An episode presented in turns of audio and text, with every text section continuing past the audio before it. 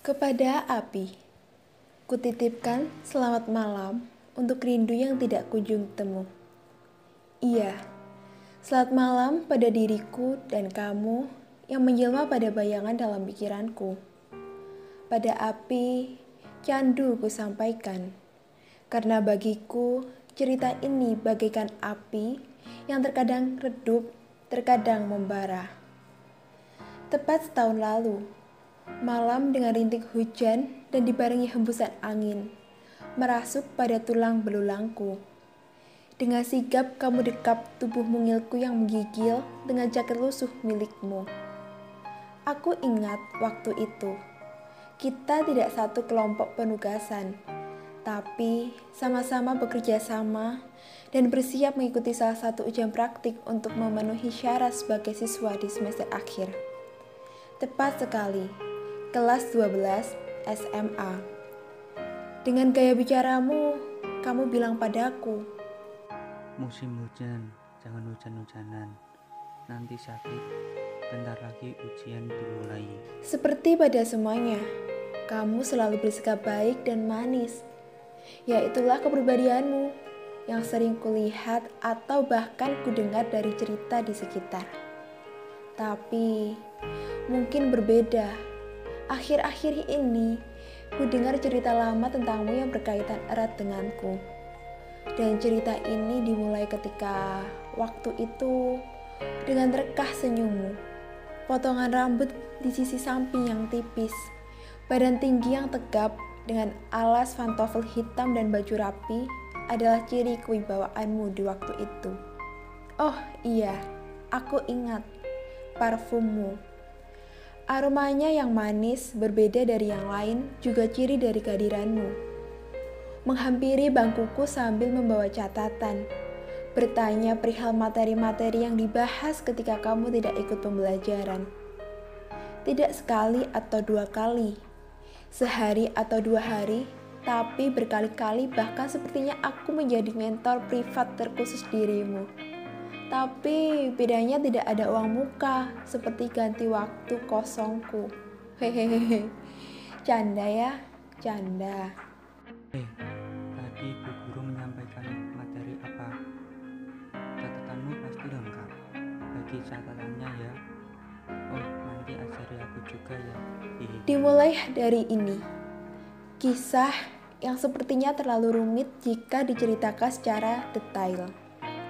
Iya, aku dan kamu, teman sekelas yang sebelumnya enggan untuk saling memandang, apalagi berbicara tanpa membawa suara lantang dan keras.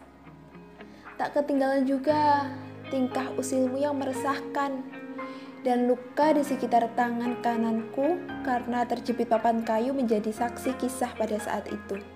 Ih, dramatisir sekali ya aku ini.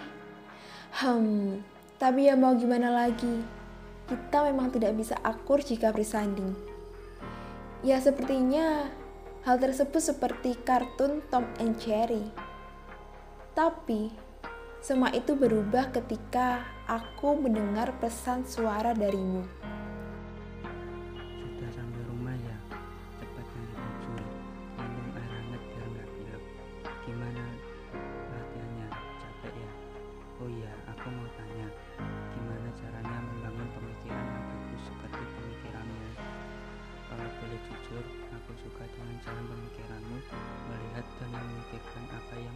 Disiapkan untuk beberapa tahun ke depan.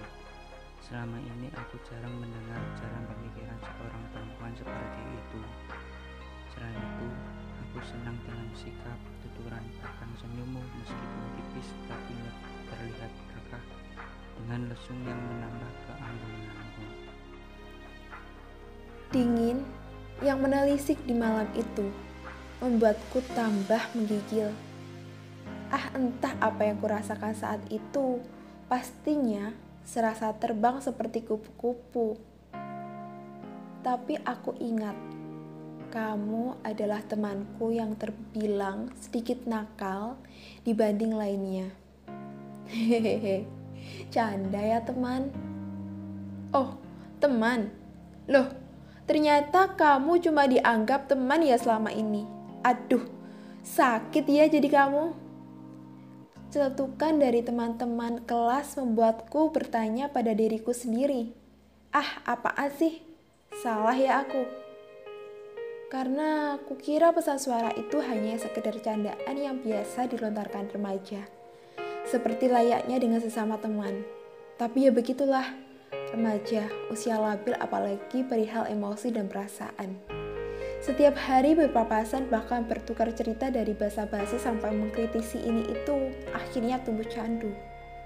Seperti halnya pepatah Jawa, Trisno jalaran soko kulino. Iya, inilah cerminannya. Di lain sisi, kamu bertanya perihal ikatan kita dan ku jawab aku ingin kebebasan di umurku sekarang. Baiklah jawabmu, pasrah dan berusaha mengikuti mauku. Waktu itu, ku dengar kamu bercerita pada teman sebangkumu perihal berjuang seharusnya bersama bukan salah satu dari keduanya. Setelah itu, simpang siur tentangmu sampai ke telingaku.